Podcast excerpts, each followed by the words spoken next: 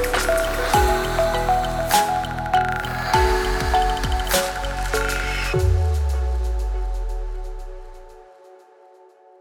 og velkommen til en ny episode av Eksponeringsterapi, hvor eh, vi tar dere seere og lyttere gjennom litt eksponeringsterapi, rett og slett. Det skal utsettes for spørsmål og fagkunnskap som, eh, som, gjør at man er nødt til å ta stilling til tingenes tilstand. Og med oss eh, for å gjøre denne øvelsen, som ikke er noe for hvem som helst, har vi psykiater og lege Hanna Spier. Velkommen, Hanna.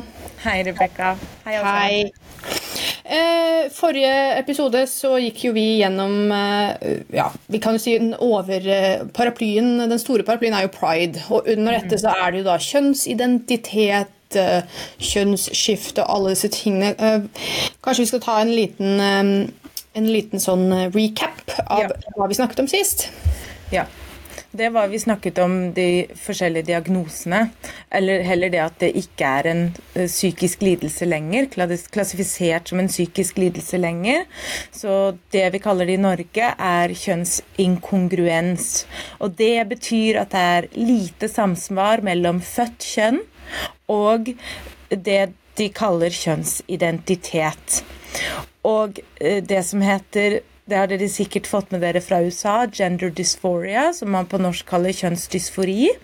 Som var det som før var den psykiske lidelsen. Da er det ubehag. Slik at du kan være, mener de, transe uten at det er en psykisk lidelse, for det blir bare en psykisk lidelse dersom du føler ubehag. Men hvis du sier 'jeg er født i feil kropp', og det jeg er komfortabel med, jeg bare vet at jeg er født i feil kropp, da er ikke det en psykisk lidelse. Da er det bare at det er kjønnsinkongruens, og da har du rett på kjønnsbekreftende behandling. Og det er vel litt av det vi skal snakke om i dag. Da. Hva er det som skjer når du sier 'jeg er født i feil kropp', og så? Ja, altså, eh, Vi kan jo ta det innledningsvis. Vi snakka litt om dette på forhånd, Hanna. Men eh, det er jo veldig interessant at man kaller dette for eh, kjønnsbekreftende behandling. For her har vi da altså en hel konstruksjon Først så får vi vite at kjønn det er en, eh, det er en konstruksjon, altså en, en, eh, samfunnskonstruksjon. Og så blir vi fortalt at uh, man kan være født i feil kropp, det er ikke en psykisk lidelse lenger.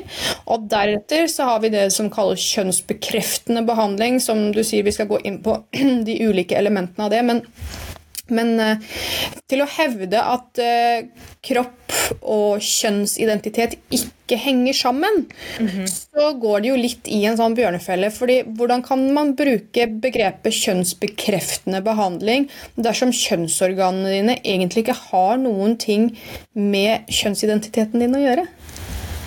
Ja, så de mener jo det at uh, kjønn bare blir tillagt deg ved, ved fødsel, at doktor nesten gjetter etter er dette en gutt eller en jente, og så bare sier de basert på det de ser. Uh, mens hjernen din er den som bestemmer hvilken identitet du har. Så hvis du føler deg som en mann, men sitter der med en vagina, da blir det bare bekreftende, altså ifølge det du har i hjernen, da. Uh, dersom du um, får en falloplasti, altså dersom du la får laget en penis, så er det bare bekrefter det det du har i hjernen din. Det er sånn det er, det er, sånn det er tenkt. Men det du har i hjernen, det er er personlighet, temperament, karakter. Eh, om du, så det de mener med kjønnsidentitet, er føler jeg meg feminin eller føler jeg meg maskulin. Hva det betyr. Det står faktisk det under den eh, tilstanden kjønnsinkongruens hos barn, er hvilke leketøy har du lekt med som barn. Så det er i den altså diagnosen, da får de med i historikken når de spør deg hvordan du føler deg og sånn og sånn, og i, i den ikke-psykiatriske historikken lenger, men når du går i utredning, da skal de høre hva slags leketøy du lekte med som barn. Altså, nå er jo ikke, Vi er jo ikke så, så gamle, Hanna. Vi er jo ganske unge sånn sett i et livs, eh, livsløp. Men jeg kan jo huske allerede tilbake til da jeg var yngre, altså tenårene i alle fall, at de snakket om at gutter og jenter kunne leke med, med, med, med de samme leketøyene. At det ikke hadde noe å si om gutter lekte med Barbie osv. Så, videre. så det er jo ganske interessant, fordi eh, de graver seg altså inn i en, eh, en, sin egen grav, rett og slett, når de sier dette her, at uh, en, av, uh, en, av, måtene man kan finne ut hva slags kjønnsidentitet noen har, er å leke med Altså hvilke leketøy de leker med. Og det går jo igjen på det som dette, denne hatpraten da, som du utøvde forrige gang. det finnes to kjønn, og innenfor disse to kjønnene så er det ulike grader av temperament og personlighet, eller en, en skala å forholde seg til. Eh, og det tar oss jo igjen tilbake til det at det finnes to kjønn, og, eh, og at eh, hele dette transideologiske opplegget er så ulogisk som det får blitt. For her prøver man å løsrive kjønn, altså kjønnsidentitet, fra biologisk kjønn, men sier allikevel at behandlingsformen som man kan benytte for dette, er å endre Eh, biologisk kjønn, hvilket i og for seg ikke er fysisk mulig. Man kan jo late som, men det er jo ikke mulig. Det er det jeg reagerer veldig på, at eh, de har tatt det ut fra eh, det medisinske, hva diagnostikken gjelder, men løsningen på det er veldig, veldig medisinsk. Altså, helt vi, kom, vi, kommer til det senere, men den er veldig drastisk. Um, og det er um, ja, så, så, Bare tilbake til det, at når de, når de utforsker dette med uh, hva slags kjønnsidentitet du har, om du er trans, så er de beskrivende ordene som de får ut av barna, de er synonymt med personlighetstrekk og hvordan du føler deg. ikke sant? Jeg føler meg eh, jeg, hvordan, hvordan, å føle seg som en kvinne, da, det snakket vi også om. Hvordan å føle seg som en jente. Da får du altså listet opp, da kan du gå inn og se på personlighetsdiagnostikk, og da finner du de samme ordene. Så her har du bare virkelig eh, byttet ut det ene med det andre. Ja, det, det, er mange ting vi kan si, si, om dette her, og det skal vi for så vidt. Jeg eh, tenkte det, han at vi skulle gå igjen eh, inn på eh, Altså når vi har kommet ut av denne ulogiske tilslutningen til hva transideologi handler om, og videre nå til ok, hvordan behandler man da dette som man ikke lenger klassifiserer som en psykisk sykdom eller mental lidelse, eller um, hvilket hvilken betegnelse du ønsker å bruke, men, men det er da altså ikke lenger det. Dette er Hva er det egentlig, når det ikke er en mental lidelse? En tilstand. Oh. Det er en tilstand. Så det og denne, så denne tilstanden den har jo økt med 100% hvert år siden 2012. Så De har en klinikk på Rikshospitalet. Det er der du får denne kjønnsbekreftende behandlingen. Eh, Norsk behandlingssenter for trans. Ja, det er NTBS eller NBTS. Um, og der um, Ja, unnskyld. NTBS, bare få det riktig. Uh, der hadde de uh, flest henvisninger uh, gutt, av gutter. Var, tilbake i 2012 var henvisningen av gutter dit det lå på 60% Og nå er den skiftet helt, og det er 72% jenter. Så det er for, for, for for ikke mange år har det vært et så sterkt skifte. Um, så det er noe til og med overlegen der, Anne Være, reagerer veldig på. Og da sier de ja, det er fordi at vi har annerledes aksept for det i samfunnet. Det er, det er et, et, argument jeg hører veldig ofte når jeg sier at uh, vi er nødt til å se på denne drastiske stig, stigningen. Hvorfor er det tenåringsjenter? Hvorfor er det plutselig så utrolig mange? Der dette var et fåtall av henvisninger i 2000, og nå i 2001 had, er, det, det er lang kø. Og det er bare jenter. Nei, det er fordi at nå er det greit. Nå er det greit å komme og si jeg er født i feil kropp, og liksom vi har, vi har språket for det, og det, det, det, har du også sikkert hørt. Ikke sant? At det handler om sosial aksept. Mm -hmm. um, men da vil jeg gjerne at de spør, og det hører jeg ikke, hvor er alle 40-50-åringene? hvis det handler om sosial aksept, da burde vi jo hatt over aldersgrupper helt lik økning, eller i hvert fall likere, men det her det er tenåringsjenter, og det er de som lider mest. Det er de som det er de som lider mest av psykiske lidelser. Angst, depresjon, eh, anoreksi, borderline, kutting. Eh, alle disse psykiatriske diagnosene um, det, plages de veldig av. Og det har også Anne Være gått ut og sagt, at i hvert fall 60% av de henvisningene, der er det foreliggende psykiatriske lidelser. Så de kommer inn med angst, med depresjon, med spiseforstyrrelser, og får allikevel denne bekreftende behandlingen. Og da, da lurer jeg på, for du, offisielt så skal du ha snakket med en psykolog før. Og da lurer jeg på hva er det som skjer i de terapirommene. Hvis de blir sendt, hvis 60% av de jentene i hvert fall blir sendt dit med psykiske lidelser. Da må det være en viss støtte blant psykologer for at dette er riktig valg. Ja, nettopp. Altså, eh, jeg skal ta deg litt tilbake, Hanna, for vi snakket om dette sist gang. Men hva er, det, hva er, det, som er spesielt med tenåringsjenter som gjør at de får et så stort hopp i, i eh, si, trendene som foregår i samfunnet til enhver tid? Ja, tenåringsjenter er veldig sensible, for når de kommer i puberteten, så får de plutselig en mengde negative følelser de ikke hadde før de begynte puberteten. Da får de mye høyere nevrotisisme. Det betyr at de er veldig sensible til å føle negative følelser som angst, tristhet, skam, skyld. Og eh, hos jenter så fører de dette veldig lett over på sin egen kropp, slik, slik, at de føler kroppen min er feil kropp. Og det er også da ved puberteten at de får pupper, at de får, at de får mer fett. Andre sier 'Å, jeg legger på meg, jeg er tjukk'. Og så får de en sånn en, eh, de får en feedback fra hverandre, eh, slik at de sier og jeg føler meg' Og da føler jenta seg ved siden av eh, seg litt verre, fordi at følelser, de smitter. Så grunnen til at det er så mange tenåringsjenter nå som får dette her, det er en, en, en sosial smitte. Vi har alltid visst at følelser smitter, sånn at hvis du har en, en, en depressiv nabo, så har du eh, høyere sjanse for å bli depressiv selv. Så, kan vi, men kan vi si at vi har en sånn eh, at vi har en transepidemi, da?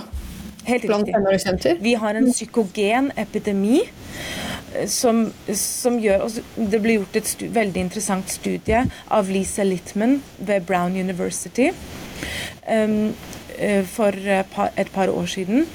Hvor hun fant ut at jenter i vennegjenger der eh, det finnes Hun kalte det 'rapid onset gender dysphoria'. Der det fantes det. De er 70 ganger mer sannsynlig for å få det selv disse jentene. Og hun gjorde undersøkelser blant disse jentene sine foreldre, der det var sagt at ja, langt over halvparten hadde tegn på psykiske lidelser før jentene kom hjem og sa 'jeg er en gutt'. Dette studiet hennes, som ble, som ble publisert i Plus One, ble angrepet av aktivister. De måtte trekke det tilbake og gjøre endringer. Um, ganske få endringer. Det var mest endringer i språket og tittelen, men ble republisert. Så det, det, det, må man gå inn og se på. Det er, et, det er et veldig viktig studie i denne debatten. Nemlig. Eh, og vi skal gå videre inn på hva som inngår i dette her, Hanna. For det eh, Hva er det som skjer når man når disse jentene, da, vi kan ta utgangspunktet, disse jentene som, som lider av denne transepidemien, forenkle det, ja. for, forenkle det språket, transepidemien vi har i, i, hos ungdommene våre eh, Hva er det som skjer når de da går til legen og sier at 'hei, jeg er født i feil kropp'? Da, um, da spør de hvor lenge dette har vært, hvor, hva de var, hvordan de følte seg da de var små, eh, hvilke klær de likte å gå med, hva de likte å leke med. Eh, og ja, som jeg også nevnte forrige gang, det er vanskelig å finne noe ordentlig eh, diagnostisk manual rundt dette her. Det er, det er veldig vagt språk, dårlig samsvar mellom kjønn og kjønnsidentitet. Da må de jo kunne gå inn og definere det med kjønnsidentitet, men det er ikke så lett å få greie på. Da blir de henvist til Rikshospitalet, som har et senter for dette. Og da, de, da kommer det an på hvor gamle, er, de, hvor gamle de er. Hvis de er uh, før puberteten eller rett på tanner to-stadiet, sånn 11-12-årsalderen, så, så får de pubertetsblokkere. Så det er det første som skjer. Og pubertetsblokkere, det er noe som heter Lupron eller Lupromylid um, i Norge. Og det er uh, det er et veldig, veldig sterkt en, en veldig sterk gonadrotropin eh, eh frigjørende eh, eh, gonadotropin releasing hormone analog. Så det er en analog til det hormonet som frigjør LH og FSH i kroppen. Så jeg skal ikke gå mer inn på det, for det, det, blir veldig komplisert. Men det er et hormon som gjør at um, den naturlige prosessen som skal frigjøre sexhormonene, den stopper opp. Så de sier til barna og foreldrene at det her trykker vi på en stoppknapp, slik at du får pause til å tenke. Så det er det, dette disse pubertetsblokkerne skal gjøre. De skal gi deg en pause til å tenke. Men gjør det det, da? I denne pausen så får jentene De kommer raskt i overgangsalderen. Det er den eneste likheten vi kan trekke her. De kommer i overgangsalderen. De får hetetokter, de får hodepine, de får eh, smerter. De klarer ikke tenke ordentlig. Og i denne pausen så skal de da klare å finne ut av hva de føler. Men det viser seg Det er et nederlandsstudie som var gjort som de baserer dette på. de hadde ikke mange subjekter, de hadde 45. Og 44 av 45 av disse gikk over til å ta um, cross-sex hormones, så testosteron og østrogen, progesteron. Og det, det, har de gjentatt. De ser at ok, 90, nesten 100% av disse som kommer inn og får pubertetsblokkere, de går over til å ta de riktige hormonene. Altså mm. testosteron hvis du er jente, og estrogen, progesteron um, hvis du, androgenblokkere hvis du er, hvis du er gutt, mann. Så det er veldig, veldig stor overlapp de er veldig skeptiske til, disse, de, de, de nederlandske studiene, fordi at de hadde en selektert gruppe. Det var en hel gruppe som hadde kjønnsdysfori. altså Det i seg selv er veldig eh, eh, Det kan man stille store spørsmål til, men i hvert fall det har de også sett i England, at nesten alle som kommer inn og får pubertetsblokkere, de går over til å ta testosteron.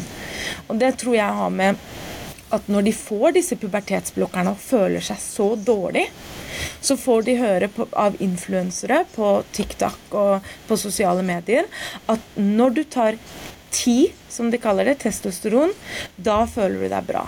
Og det gjør du. For testosteron gjør, uh, gir en umiddelbar eufori. Og Det er derfor altså, gutter i puberteten ikke føler seg så engstelige og deprimerte som jenter. Fordi at testosteron, testosteron gjør noe helt annet med kroppen enn det østrogen gjør. Ja, nettopp.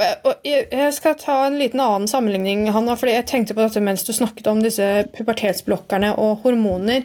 Um, erfaringsmessig, altså egen erfaring og andre, andres uh, erfaringer som jeg har blitt fortalt, da, med bare noe så skal vi si uh, enkelt i gåseøyne prevensjon, altså hormonprevensjon, hvor stor innvirkning det faktisk har på psyken og på kroppen, i all den tid man går på p-piller, minipiller p-stav, eh, hormonspiral altså det, det, er jo endeløst med muligheter her. Mm -hmm. Men dette er noe de ikke har ønsket å utvikle for menn. De har gjort et par forsøk, men de sier at det er for mye hormoner eh, til at de, de, vil godkjenne dette for menn. Allikevel så driver kvinner og propper, eh, propper seg full av dette, med konsekvenser at de velger feil partner. Det mhm. er ja. Eh, det, ja, det må vi gjøre en egen episode på, Rebekka. Det er så viktig.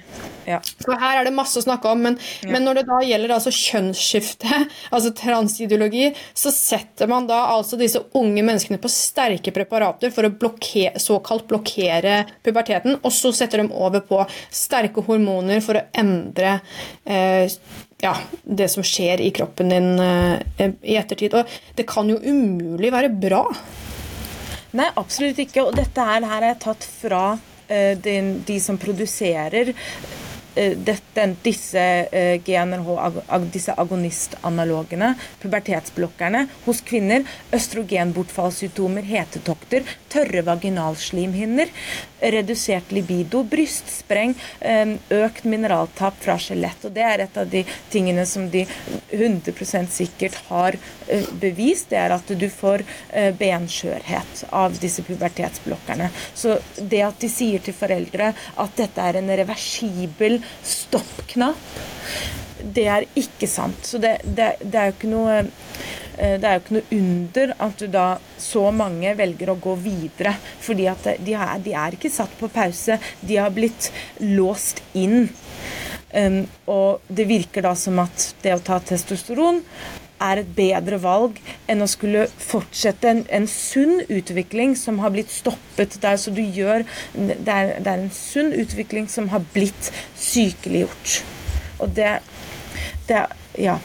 Og det, det, det, andre som virkelig også må sies når vi snakker om pubertetsblokkere, det er at det er en, det er en, en on-label use av uh, uh, en, en man bruker det når du er for tidlig i puberteten.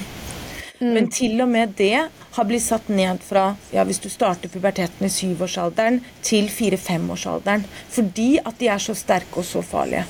Og til og med da vil de ikke at du skal ta det i mer enn ett topp to år. Um, fordi at det nemlig ikke er så reversibelt. Sånn at de, i de eh, tilfellene hvor de sier at ja, her, i de tilfellene hvor vi alltid har brukt pubertetsblokkere, når jenter kommer altfor tidlig i puberteten, um, så har de satt ned den alderen, fordi syv allerede har så Puberteten er ikke noe som bare starter når vi har de første symptomene. Da har pubertet på, på cellenivå allerede startet for lenge siden. sånn at det, Derfor sier de at de har satt ned den alderen, og de ønsker ikke å bruke det. De prøver å unngå det i alle tilfeller. Men her blir det bare gitt til tenåringer uten eh, ordentlig utredning. Uten engang Ja, det står på Oslo universitetssykehus sider at eh, i hvert fall ett år skal det ha vedvart. Men de tillater at hvis problemene er veldig sterke, så skal du få kunne gjøre den prosessen kjappere. Noe som er helt det er helt absurd, fordi, uh, og dette er vel også grunnen til hvorfor det er så viktig at barn skal få lov til å avgjøre sitt kjønn så tidlig som mulig. Uh, eller at de, holder på å presse dette ned på barn, at de bruker barna og er ute etter barna. fordi ikke bare bekrefter de da sin egen opplevelse av det å, å kunne være det motsatte kjønn, men eh, behandlingene kan starte så tidlig at er, mennesket er fullstendig og totalt ødelagt før det kommer i, i tenårene. For det, det, må vi jo kunne innrømme, Hanna. At mm. setter du en fireåring på hormonblokkere og begynner å tukle med kroppens system, så blir ikke den utviklingen veldig god. Nei, og nå sier det, kommer det jo flere og flere fordi at de har satt så utrolig mange barn og tenåringer på dette allerede, så nå begynner historien å komme ut. Um, og det er at de ikke får tilbake mensen etter pubertetblokkerne. Det er at det er ting som ikke er reversibelt. Og det som er viktig å huske på, det er at dette medikamentet, Lupron, det er brukt på, på voldelige sexforbrytere for å sterilisere dem. Det er det samme ja, medisinet. Det har jeg hørt før. Jeg tror, altså Matt Walsh, som, som, lagde 'What is a Woman', han, mm. han tok jo opp det, nettopp dette her og stilte dette spørsmålet til en sånn ja, lege av noe slag med, med turkist hår. Du vet kjennetegnet på at du er woke. Ja, det var en barnelege. Barnelege var det, ja. ja. Nei, det, det, det, vil hun ikke svare på. Hun reiste seg opp og gikk? Ja, ja. Det er helt fantastisk. Altså, den, den, må dere se. Altså, det, The What is a Woman er, skal, skal være obligatorisk pensum i eksponeringsterapien. Helt, helt, enig. Eh, jeg har sett den tre ganger, faktisk. Jeg ble, så, morsomt var det ikke. Det var kanskje morsomt, ja. Jo, men det var noe med altså, Man kan jo si hva man vil om man kan anklage Matt Walsh for å leke dum eller ikke, men, men sannheten er at uh, disse legene, professorene og, og, og, såkalte fagfolkene ikke klarer å svare på helt enkle spørsmål. Du vet jo hva de sier, Hanna. Hvis du ikke klarer å, å forklare eller gjengi noe på en enkel måte, og en forståelig og logisk måte, så har du ikke forstått. Ja, men jeg tror de er veldig klar over at eh, logikken ikke henger på greip, sånn som vi har vist til nå. Um, og Derfor så jeg eh, inviterte jo Reidar Skei Gjessen på podkasten min 'What Should I Tell My Daughter'. Um, og han er postdok på, uh, på Oslo universitet på Oslo universitet. Unnskyld. Um, og han har skrevet 42 artikler, bl.a. Oslo norske leksikon, om kjønnsidentitet. Han er liksom en av disse store navnene i Norge bak dette. Um, og han, der, der, var det ikke noe svar. Der det ikke noe, de ønsker jo ikke å bli konfrontert med spørsmål de vet at de ikke kan svare på. Um, ja. Nettopp. Men uh, vi skal gå videre, Hanna, for det, ja, vi får ikke noe svar fra de. Selvfølgelig Nei. gjør vi ikke det. Det kommer til å komme mange historier fremover. Um, ja. Men uh, fra og, og, disse ja, Unnskyld, unnskyld, kan jeg si én ting til? Som jeg syns er veldig viktig mens vi fortsatt var på pubertetsblokkere. Det, og denne pausen. Um, det er veldig viktig å huske på at 80-90% av disse barna ville kommet gjennom puberteten og bli kvitt sin forvirring. Så det er det du Og da må vi jo spørre hva er det som blir fortalt disse foreldrene, som gjør at de ikke lar den prosessen gå sin gang, og, og, la, og, la, barna få finne ut av den forvirringen, det er jo fordi at de blir fortalt at suicidraten er så høy. At her er det, sånn som også Matt Walsh sier i den dokumentaren, at foreldre blir fortalt du kan enten ha en, en trans jente eller trans gutt, eller et dødt barn. Mm. Det er det, det, det er det, foreldre blir fortalt. At, at det er så frekt at jeg vet ikke hvor jeg skal begynne. Altså, nå er det jo, vi kan jo se på, på selvmordsstatistikk eh, i forhold til psykiske lidelser. Vi kan se på psykiske lidelser i samfunnet. Det er åpenbart at vi har en del fundamentale problemer i samfunnet vårt. Eh, vi skal gå inn på det i senere episoder, men vi, vi har en verdikrise. Vi har en, en tradisjonskrise. Vi har, en, vi har kriser på flere plan her. Og nei, det er ikke klimakrise eller kjønnskrise eller, eller, eller noe sånt. Det her er faktisk reelle eh, verdisystemer som, som, er i krise, som gjør at vi får plass til alle denne, alle denne eh, manglende logikken. Mm -hmm. eh, og vi har mye psykisk lidelse i samfunnet vårt. Vi har det, faktisk. Det, det har gått opp og opp og opp. Uh, og um, hvis vi ser på selvmordsstatistikken i forhold til psykiske lidelser, og vi ser på um, kjønnsskifte og psykiske lidelser og selvmordsstatistikk eh, etter det, ja. så viser det seg jo at det utgjør ingen forskjell. For har du en psykisk lidelse, så har du en psykisk lidelse. Og du ja. kan ikke reparere en psykisk lidelse ved å, å, skjære bort lidelsen fysisk fra kroppen deres. Dette, sist vi holdt på med dette her, folkens, da drev vi med lobotomi. Det er den eneste andre behandlingsformen som, som har gått på mental lidelse. altså fysiske, kirurgiske behandlingsformen. Og det er den vi tenkte vi skulle snakke om nå, Anna. fordi det er ikke bare pubertit pubertitetsblokkere eller hormoner man bruker. Man bruker kirurgi for dette også. Ja, så når du er 18, så kan du begynne på den kirurgiske behandlingen. Jeg klarer ikke engang kalle det behandling. Jeg synes at det er, det er jo ikke behandling. For meg er det virkelig eh, helt som om jeg skulle fått en, en, jente inn med anoreksi, hvor hun da sier nei, tror, eller at jeg da skulle fortalt henne at jeg tror fettsuging. Tror det er det vi føler. Hun ville jo selvfølgelig sagt ja, og det er jo mye lettere å gå inn for en fettsuging enn å sitte der timevis med meg uke etter uke og egentlig ikke komme av flekken. For det er jo, det, det er jo alternativet her. Hvis du sier at det, det, er en psykisk lidelse, her må du til terapeut i flere år, enn nei, her er, her er Rikshospitalet, og har, her blir du tatt vare på. Det er jo noe som man også må snakke om, at du får en sånn sykdomsgevinst når du går gjennom mange behandlinger, at folk da behandler deg bra, de passer på deg, de har masse empati. Når du har en psykisk lidelse, så får du ikke den samme behandlingen, for det er ikke synlig. Det er ikke, men her er du virkelig på en måte på toppen av, rang, av den woke rangstigen. Det er det mm. når du er trans, og du har det. Du har den tilhørigheten, og du har at det er fysisk visualisere at du går igjennom noe. Da får du den ekstra empatien og oppmerksomheten. Ja, noe, ja, men at de ikke ser De ikke sammenligner eh, selvmordsraten ved trans med selvmordsraten med andre, alle andre psykiske lidelser, når de ser at mer enn 60% av jentene har en psykisk lidelse ved henvisning. Eh, det, der må vi litt, eh, litt hardere til foreldre. Men jeg syns at dette her er ganske brutalt. Hanna, fordi uh, vi kan jo tenke, altså, Det er en sånn dobbeltstandard her. Hvis tenåringsjenter sier at uh, jeg, jeg, vil ha en uh, brystoperasjon, jeg vil ha silikon jeg, jeg vil ha silikon, det ville gjort meg lykkeligere fordi jeg er så flatbrystet og jeg føler meg ikke som en kvinne. og Det er det jeg vil gjøre. Når jeg, på 16-årsdagen min så vil jeg til privatklinikk, og jeg vil ha silikonpupper. Jeg vet ikke om noe som er snakka så mye ned om som akkurat det. Eller andre um, hva skal vi si, skjønnhetsoperasjoner, hva er det man kaller det?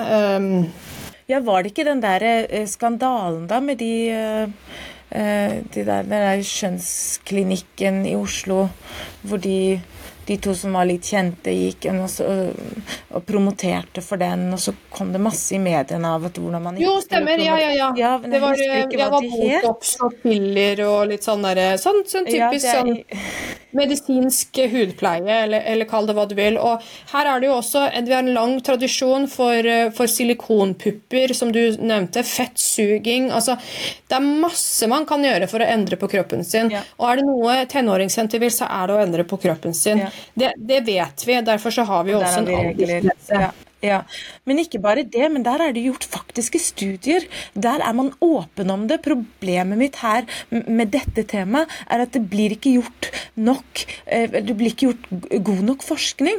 Og når, eh, når det blir gjort da, av hun, sånn som hun Lisa Littman, som selv sier at 'jeg har alltid vært på venstresiden', dette, handler, dette er ikke politikk, dette var bare for å finne ut av hva som skjer, så blir de angrepet, og det blir eh, tatt, dratt ut igjen. Altså, sånn at Problemet her at det, og det sa til og med um, um, han som var editor i uh, British, British, Medical Journal. Han sa her er det for dårlig evidens. Dette går ikke, folkens.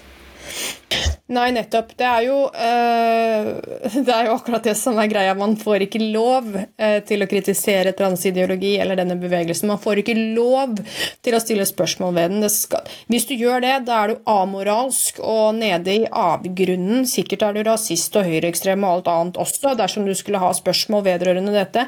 Fordi de har ikke noen logisk sammensetning her. Det fins ikke noen ting som sier at dette er en god idé. Ingenting. Nada. Ingenting. Og, men allikevel presser de dette her på, og, og, dette er jo en fantastisk pengemaskin. Herregud, tenk deg det, Hanna, å, kunne gjøre om og såkalt kjønnsbekreftende behandle eh, 3000 ungdommer i løpet av eh, jeg vet ikke hvor lang tid, men, men det er mye penger som kommer inn der resten av livet.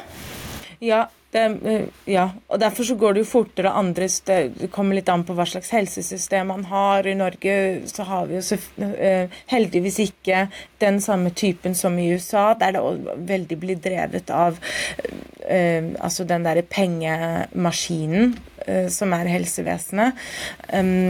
Sånn at kanskje utviklingen går litt tregere pga. det, heldigvis. Men nå har det jo kommet ut flere i flere land, Finland, Frankrike og England, virkelig satt stopper på disse pubertetsblokkene. Så det er veldig bra. Der må, må vi følge på. Og så eh, kommer det jo ut nå stadig vekk disse her eh, detransitioner historiene. Um, mm. men, det, men, det, før vi kommer til den kirurgiske behandlingen, så må vi nesten også snakke om uh, hvordan det er når, når tenåringsjenter får testosteron. Hva som da skjer med dem. Fordi ja, skjer med det, syns, det, det, det syns jeg er veldig interessant. Hvordan de da um, tror at de skal se ut som menn, som gutter, og uh, fantasien deres blir sprukket. Fordi uh, Jeg vet ikke, har du sett en trans mann som virkelig ser ut som en mann. Nei. Så det, det som skjer med dem, er at de får litt rundere ansikt, at de får hårvekst, men ikke helt god nok hårvekst. Og det ser litt som ut som at de får en sånn uh, five o'clock shadow. Altså, det, det er, ingenting blir som de hadde tenkt. Det er fordi at anatomien vår den går dypere enn bare hva vi ser her, og hva vi ser her.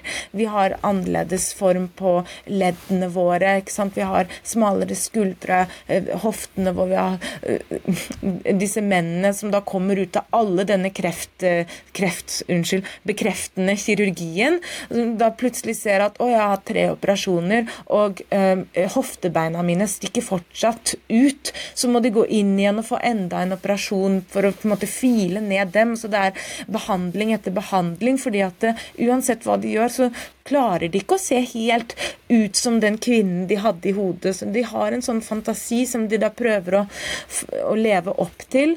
Um, og så, og så i andre enden så, så, blir de jo veldig skuffet. Så det, det er jo ikke rart at selvmords... Um, at selvmordsstatistikken ikke ser annerledes ut på andre siden av alle disse behandlingene.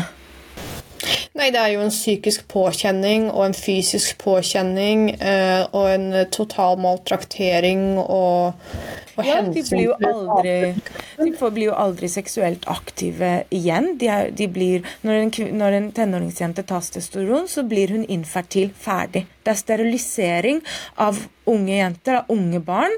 Mesteparten av dem homofile. Ja, så egentlig så ødelegger vi sexlivet til homofile. De får aldri bli homofile voksne. Nei, det er, det er nettopp derfor det, det, er så mange eldre homofile nå som sier takk Gud for at jeg kom ut da, og ikke nå. For nå har jeg i hvert fall en fungerende penis. Så det er det mm. at de prøver å Så de tar på jentene så tar de en stor uh, del av forarmen.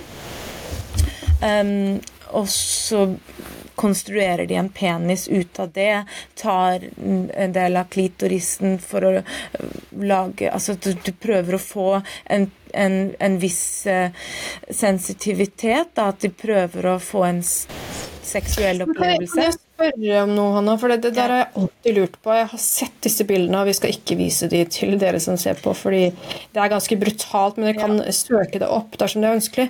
Men det jeg lurer på, man, man konstruerer da denne penisen såkalt ut av uh, vev fra armen og mm -hmm. klitoris, men den fungerer vel ikke som en svamp? Det er ikke sånn at du kan få ereksjon på samme måte som en penis? eller hvordan altså jeg, Nei, det, er noen implantater, og de legger inn sånn testikkelimplantat og penisimplantat. Men det, det, er en, det er en klump kjøtt til slutt. Det er ikke et fungerende sexorgan som de eh, kan bruke til noe til slutt. Og hvis, du, hvis de uh, lager en vagina, så er det så, Mange har beskrevet det som et kjøttsår.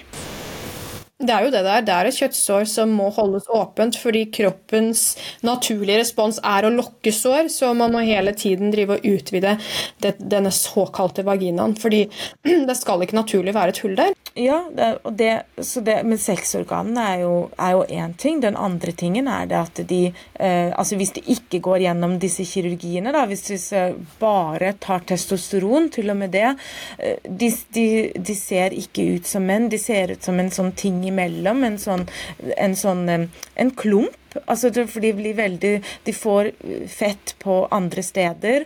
For det er det testosteron gjør. Når de begynner med testosteron, så blir jentene Først så blir de litt oppløftet, for de ser at å, dette fettet som man var misfornøyd med, det har forflyttet seg.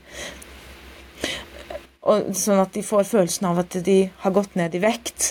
Men det som skjer, er at de, liksom, de blir klumpete her, klumpete her, og så får de aldri den konstruksjonen som de har tenkt seg i hodet, som er en mann.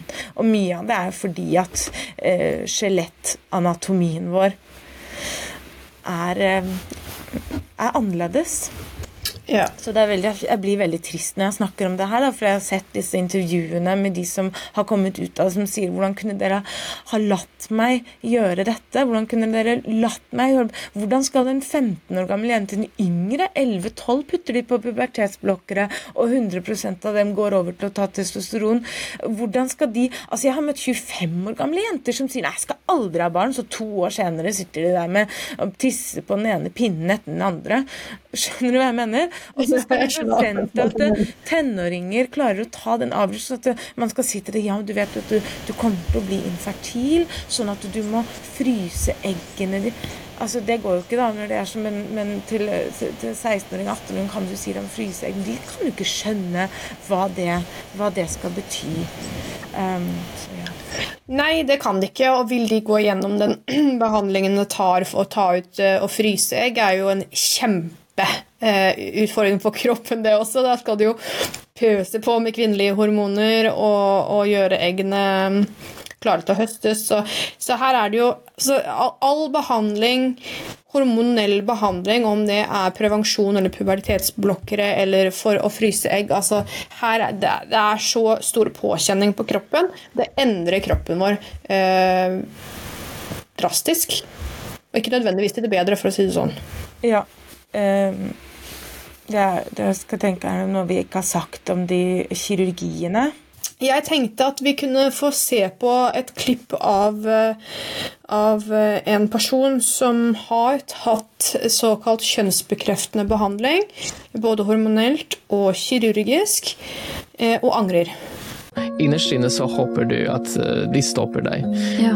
men på grunn av at um, ja, det norske samfunnet er så aksepterende.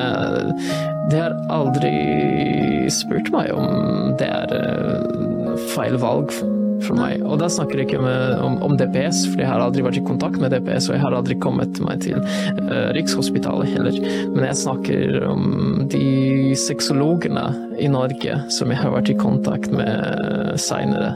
Det er også litt min feil, kan du si, fordi jeg har altså ikke vært ærlig om mm. min fortid med mobbing, og hva grunnen til at jeg ønsket, ønsket å uh, bli en kvinne var. På den ene siden så ønsket jeg å glemme denne perioden i livet mitt, mm. og uh, på den andre siden så visste jeg at hvis jeg snakker om det, så kommer de kanskje til å tvile um, at dette er beste løsning for meg, ja. og du vet det er sånn, du lyver. Akkurat som en narkoman for å få tak i det stoffet du ja. vil få tak i. Det er derfor jeg syns at den type behandling for eh, bekrefter pasientens identitet, identitet. Kun det pasienten sier, kan ha farlige konsekvenser. Og som du sier tidligere, har Eh, vært en annen diagnose. Eh, I den henvisningen som Espen Benestad eh, skrev, som jeg sendte til kirurgen i Thailand, der står det under diagnose transseksualisme.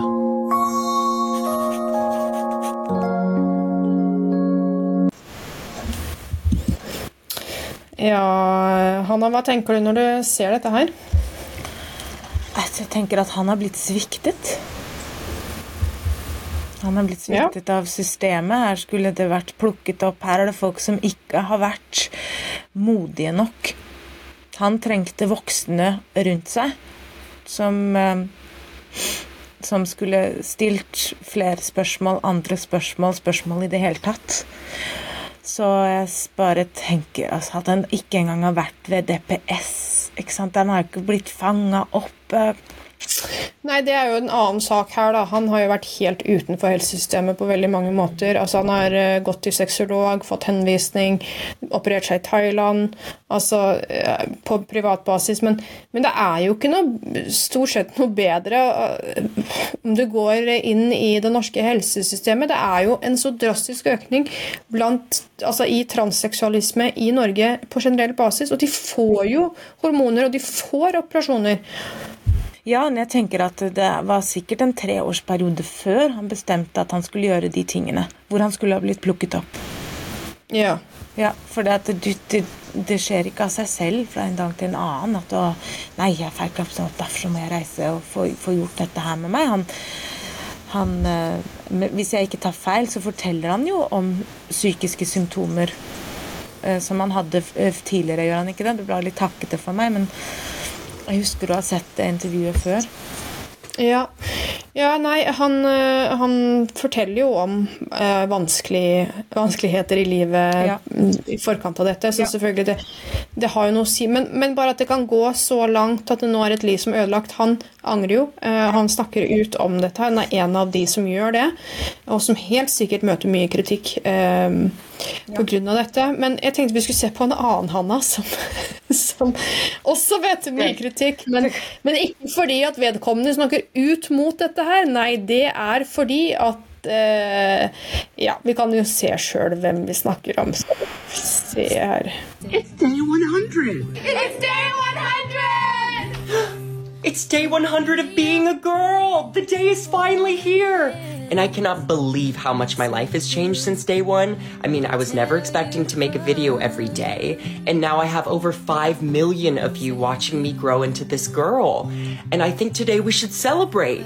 I have merch, I have cake, I might even meet a follower, who knows? And there's gonna be multiple videos, so let's go! Woohoo! Bought those giant obnoxious number balloons because if there was ever a day for them, it's today. Jeg tenker at vi kan uh, stoppe den der, ja. Han han, han er ganske eksessiv. eh. Men uh, her har vi da også en person som er så lykkelig over det han kaller sin transformering fra mann til kvinne. Han har ført dagbok på dette her. Jeg fant et nyere klipp av ham også, hvor han sier en del ting hvor han ikke er så entusiastisk. Han har jo møtt mye kritikk, og eh, det er jo av den enkle grunn at han tror at han kan være kvinne. ikke sant? Det kan han ikke. Han er fortsatt en mann. Sånn er det bare. Dolan Mulvaney er mann. Ja. ja, det er veldig, veldig Man ser jo tydelig de tingene som, som, som blir, som man ikke kan operere bort større hender ikke sant, av hodet for alt. Det er derfor du, du kan jo se det på mils avstand, at dette er en, dette er en mann, og jeg, jeg Ja. Er ganske sikker på at han får seg noe seksuelt ut av den eh, opptreden, for det er det det er. Når jeg ser på det der, så ser jeg på en, en opptreden, og jeg er ganske sikker på at han har perioder hvor, eh, hvor det ikke er hvor han, hvor han ikke ser sånn ut, eller snakker sånn. Han approprierer jo kvinner. Det er jo det han Ja, gjør. det er Jeg er sånn jo fantasi. egentlig superkrenka. Ja, ja, det er en sånn fantasi som man, man lager seg da, at sånn skal det være. Utrolig stereotypt. Um, Og det er Ja, når man blir eldre, så, så eh, går man jo litt mer og tar man jo inn over seg også litt mer maskuline trekk. Liksom, fordi at eh, personlighet og karakter er sånne ting som forandrer seg i løpet av livet. Det er ikke sett. Skjønner du? At det, vi, når vi blir eldre, så blir vi også litt mer disiplinerte. Vi blir litt roligere, vi blir mer emosjonelt stabile. Altså sånn, så over tid, så når vi er tenåringer, um, eller i 20-årene, så er vi jo mer feminine enn det man er øh, når man blir 40. Og da er man på en måte øh, settled. Altså, sånn at det, det de har i hodet som dette, hva er en kvinne? Det er helt off. Jeg lurer på hvor, hvordan de har fått det inn over seg. Det må være mye sånne influencers, mye eh, feil eh, eh, kropps, kroppsbilder. eh, ja, eh, eh, eh, medier. Hva tenker du? Ja, sosiale medier, det er klart det. Og du hører jo han sier selv han har mange millioner følgere. ikke sant?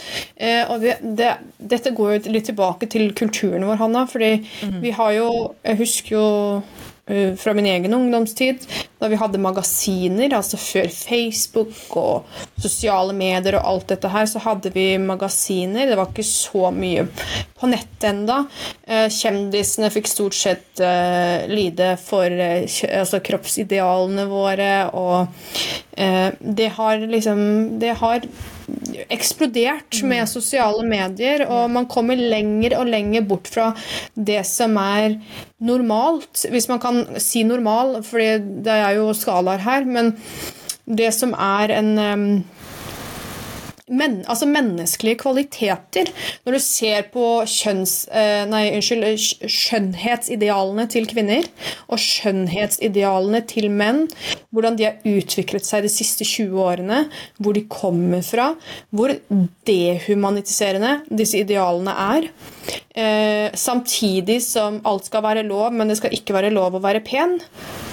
Altså, det, er no, det er noe rart som foregår. Det er veldig mye forvirring. Det er mye rart som foregår her.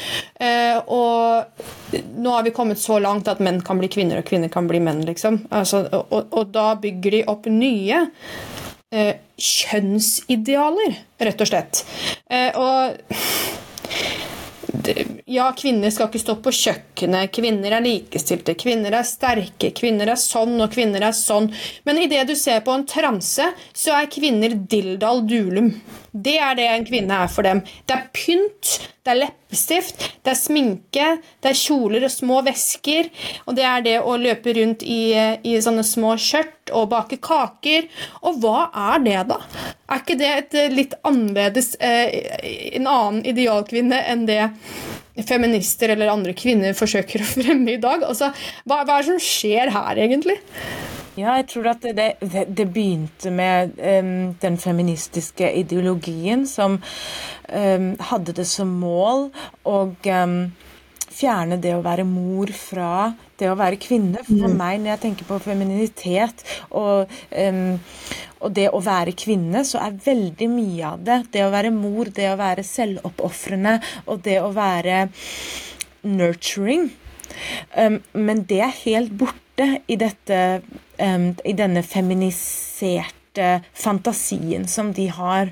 eller jeg tror at, at de prøver å vise hvor nurturing de er når de gjør sånn uh, drag story hour. altså De prøver å på en måte være rundt barn, men de klarer ikke gjøre det på en ikke-seksualisert måte.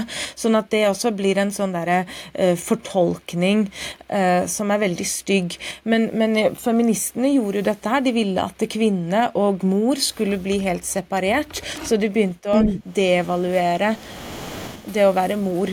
Og det er bare sånn, og det er sånn bare man kan gjøre på siden, og det er ikke en ordentlig jobb, og um, det er ikke så vi, og, og, Far kan være like mye sånn og sånn og sånn som det mor kan være. Det er ikke noe spesielt. Det å være kvinne er helt separert fra det å ha eh, morsinstinkter og eh, Ikke sant? Hvis man forsøker å si det, at eh, mor har helt spesielle egenskaper overfor små barn som ikke far bare veldig lett kan imitere, da blir det ramaskrik. Det er nei og fedre og se på dem, og de er så flotte, og fedrekvoten skal utvides, og ja, det er et helt annet topic som gjør meg veldig opprørt. Det har jeg snakket om før.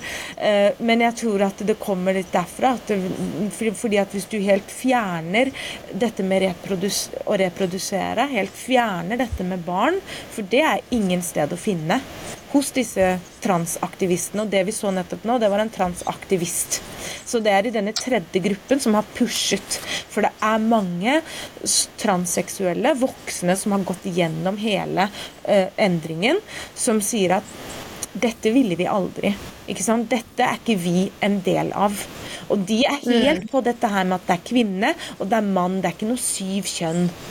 Sånn at man må virkelig prøve å separere disse gruppene. Det er den gruppen som er veldig høylytt. Det er ikke så mange av dem. Og så er det barna som blir oppofret.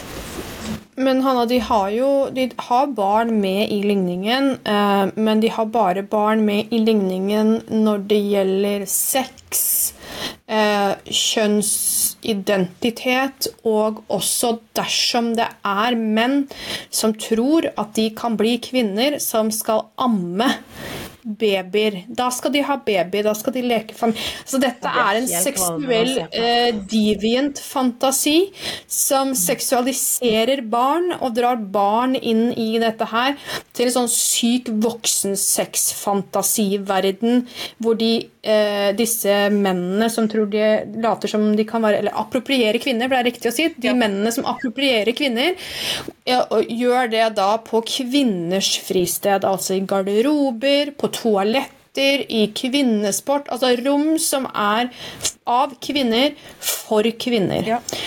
Eh, og det gjelder også barn. Ja. Jeg vet ikke om du så det bildet med han som, eh, han som skulle altså, Hva heter det? Breastfeed? Uh, nei, ja, det er, amme. Det er, helt, det er så kvalmende, altså. Ja, nei, det er. Men det er også mange, um, mange sånne feministaktivister som, uh, som driver dette her. Eller som drev det til de kommer i klinsj med hverandre. For de har jo begynt sånn intern, eh, intern eh, kamp. Sånn, for det er de, som, mm. de, feministene som ønsker å beskytte eh, de kvinnelige stedene mot disse som Det er ikke noe kjønn, og alt skal være eh, Eller transmenn skal få lov å gå dit, og transkvinner skal få lov å gå dit. Så um, men, det, er- men eh, det er ingen som bryr seg nok om barna til å si Hei, skal vi vente til eh, vi har gjort ordentlig studie på dette her, eller skal vi se på all den evidensen vi nå har på at dette går skeis? Skal vi høre på de historiene som kommer ut fra de som har endret seg? Eh, Eller se på de faktiske selvmordsratene. Skal vi gjøre noe ordentlig etterforsking? Eh, det er ingen som bryr seg nok om barna til å stille de spørsmålene. Jo, det er jo det, men det er jo ingen som får gehør for det. Eller man blir møtt med, med det, kategorisering og skjellsord. Jeg Ja, mente de trans transaktivistene. De, de Nei, er transaktivistene de bryr seg ikke nok om barna til å se Det på har du helt rett i. Ja. Men vi får Det prøve det. rett. Vi- skal jo videre Ja, vi til gjøre så vi hva kan. vi skal gjøre mot dette her. at jeg tenkte vi skulle snakke om i, i neste Ja. episode, Hanna. Eh, nå har vi holdt på i 56 minutter. Vi, vi klarer å Vi klarer å få det til. Eh, men eh, det er så mye å ta av. Vi har eh, masse spennende temaer som kommer, men vi skal ta for oss da hva, hva kan vi gjøre med dette her i neste episode. Og så skal vi gå løs på feminisme og maskulinitet. Vi skal snakke om prevensjon. Skal, det, er, det, blir my, det blir mye spennende framover. Så det gleder jeg meg til, Anna. Um, vi får eh, takke for i dag, og så får vi bare beklage til alle dere som ser på og hører på, eh, at vi måtte ha med Duran Mulvaney. Beklager, unnskyld. Vet at det er en lidelsesreise. Ikke men, se det eh, noen rett ganger- før dere går i seng, for da blir det mareritt, i jeg. Da blir det hjemsøkt. Men det var mye vi sparte okay. dem for, da. Det var mange bilder vi ikke viste, syns jeg. Ja, definitivt. Hva er det det heter Hva er det heter, eh, den operasjonen de gjør for å, å lage penis eh, på engelsk, Hanna? Det heter et Phalloplasty kan dere google hvis dere har lyst på Eller ikke. Eller ikke. Ok, da sier vi takk for i dag. Ha det.